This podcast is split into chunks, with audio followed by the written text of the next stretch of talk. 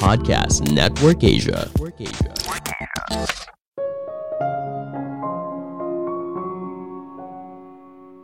Tidak semua pertemanan akan bertahan selamanya. Ada kalanya kita mungkin perlu berhenti berteman dengan seseorang agar kita punya kehidupan yang lebih baik. Halo semuanya, nama saya Michael. Selamat datang di podcast saya, Sikutu Buku. Kali ini saya akan bahas cara membedakan mana teman betulan dan teman yang toksik. Teman tentunya membuat hidup jadi lebih bermakna. Teman mampu memberi dukungan emosional dan sosial. Tidak jarang mereka juga membuat hidup kita jadi tidak kesepian pada akhirnya membuat kita lebih bahagia dan lebih menikmati hidup. Ketika kita menjaga hubungan sosial, maka hal ini bisa memperpanjang umur dan menurunkan resiko kesehatan seperti depresi dan darah tinggi. Namun sayangnya, tidak semua pertemanan itu baik. Ada juga pertemanan yang merusak atau dikenal sebagai toxic friendship. Ada banyak jenis pertemanan yang toksik, tapi secara umum, jenis pertemanan ini akan menguras emosi dan juga membuat hidupmu malah turun, bukannya naik. Nah, coba lihat kembali lingkaran pertemanan kamu. Apakah merupakan pertemanan yang sehat atau pertemanan yang toksik? Sebelum kita mulai, buat kalian yang mau support podcast ini agar terus berkarya, caranya gampang banget. Kalian cukup klik follow Dukungan kalian membantu banget supaya kita bisa rutin posting dan bersama-sama belajar di podcast ini.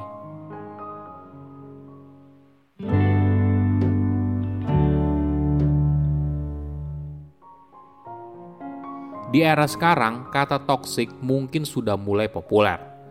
Jika diartikan, orang yang toksik adalah orang yang sering kali menunjukkan perilaku yang menyakiti orang lain atau memberikan dampak negatif pada hidup orang lain. Nah, seorang teman yang toksik mungkin adalah orang yang mengklaim kalau dia adalah teman kamu. Tapi sering kali orang itu justru yang menyakiti kamu. Bukannya membantu kamu menjadi versi terbaik dari dirimu sendiri, teman yang toksik malah berusaha menciptakan perasaan yang negatif. Oke, sebelum kita bedah jenis pertemanan yang toksik, mungkin kita harus pahami dulu kalau setiap orang tentunya punya hari baik dan hari buruk. Maksudnya, ada saatnya mereka tidak selalu senang dan bahagia. Ada kalanya mereka menjalani hari dengan kesal dan penuh amarah. Ini manusiawi. Toh cuaca juga tidak selalu cerah kan? Ada kalanya juga mendung.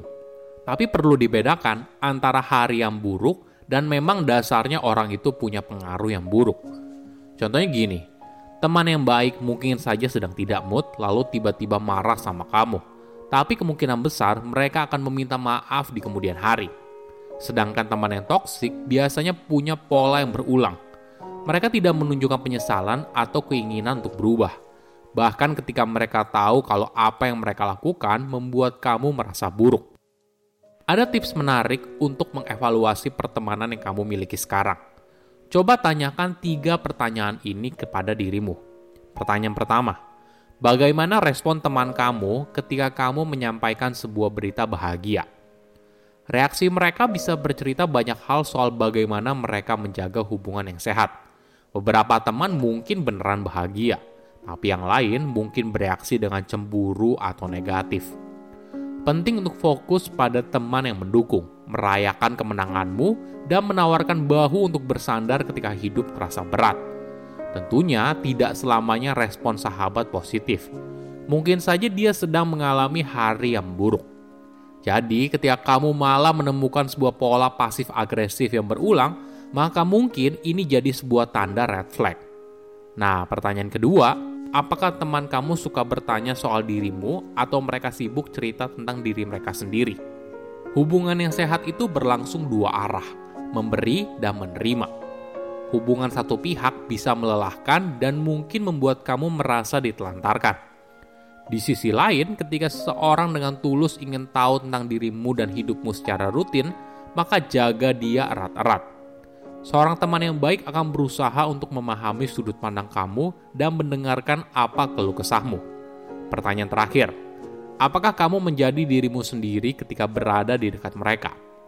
penting untuk berada pada lingkungan yang menerima dirimu apa adanya. Jika kamu merasa perlu menyembunyikan atau mengubah aspek dalam hidupmu hanya demi diterima di sebuah lingkaran pertemanan, Nah, coba kamu pikir ulang deh, apakah mereka benar-benar teman kamu?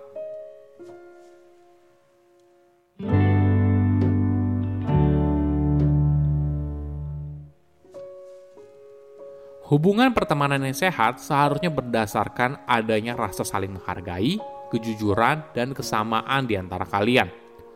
Pertemanan ini membuat masing-masing orang menjadi lebih baik.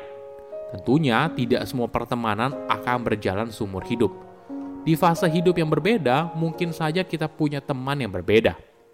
Misalnya begini, teman masa kecilmu belum tentu masih jadi temanmu ketika kamu kuliah dan bekerja atau mungkin saja teman yang kita temui di satu hobi yang sama misalnya bermain basket, tapi kemudian sudah tidak pernah kontak lagi karena kita juga tidak pernah main basket lagi karena kesibukan harian.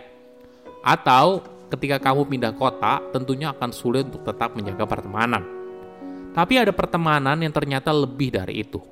Pertemanan ini cukup dekat dan boleh dibilang kita menganggapnya sebagai sahabat. Namun ada kalanya kita mulai bertanya-tanya, dia beneran teman kita bukan sih?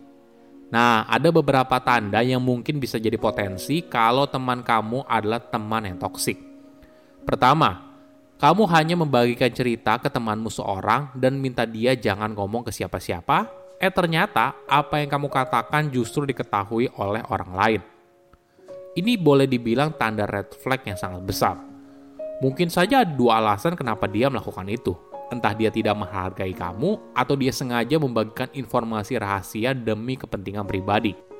Kedua, teman yang selalu minta tolong tapi tidak pernah ada ketika kamu butuh bantuan. Hubungan pertemanan yang sehat seharusnya berjalan timbal balik. Ketika teman kita terlalu needy, maka mungkin saja hubungan ini bukanlah hubungan yang sehat dalam jangka panjang. Ketiga, kamu merasa ada yang tidak beres dari hubungan pertemanan ini penting untuk mendengarkan kata hati kamu. Banyak orang sering kali tidak menyadarinya. Nah, cobalah untuk lakukan refleksi diri dan melihat kembali apakah pertemanan ini sehat atau tidak.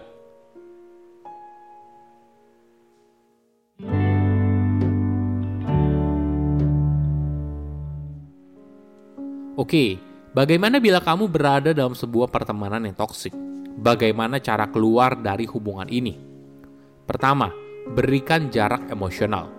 Tahan diri kamu untuk tidak lagi berbicara hal yang personal.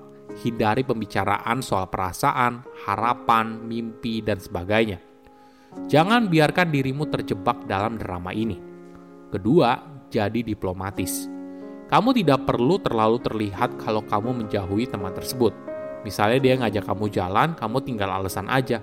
Wah sorry nggak bisa nih, lagi mau pergi sama keluarga pelan-pelan hubungan kamu pasti akan menjauh. Ketiga, cari aktivitas dan pertemanan yang lain. Hubungan sosial punya dampak yang besar bagi manusia. Jangan habiskan hidupmu dengan pertemanan yang toksik. Carilah teman yang lain. Keempat, tidak masalah jika kamu masih berhubungan dengan teman yang toksik.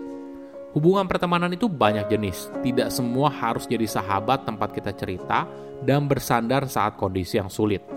Ada teman yang memang cocok untuk jadi teman main atau teman jalan. Nggak masalah. Yang penting, hindari topik yang sifatnya personal. Bersenang-senanglah dengan aktivitas yang sedang kamu jalani. Kelima, tidak perlu balas dendam. Mungkin saja kamu masih ingat perlakuan buruk seseorang yang kamu anggap teman.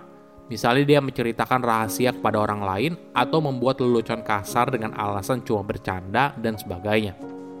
Kamu mungkin tergoda untuk membalas, namun perlu diingat, hal ini tidak akan membawa kebahagiaan buat kamu. Maafkan dia dan move on. Ini memang tidak mudah, tapi ketika kamu melepaskan perasaan ini, maka kamu juga akan bebas. Saya undur diri, jangan lupa follow podcast Sikutu Buku. Bye-bye.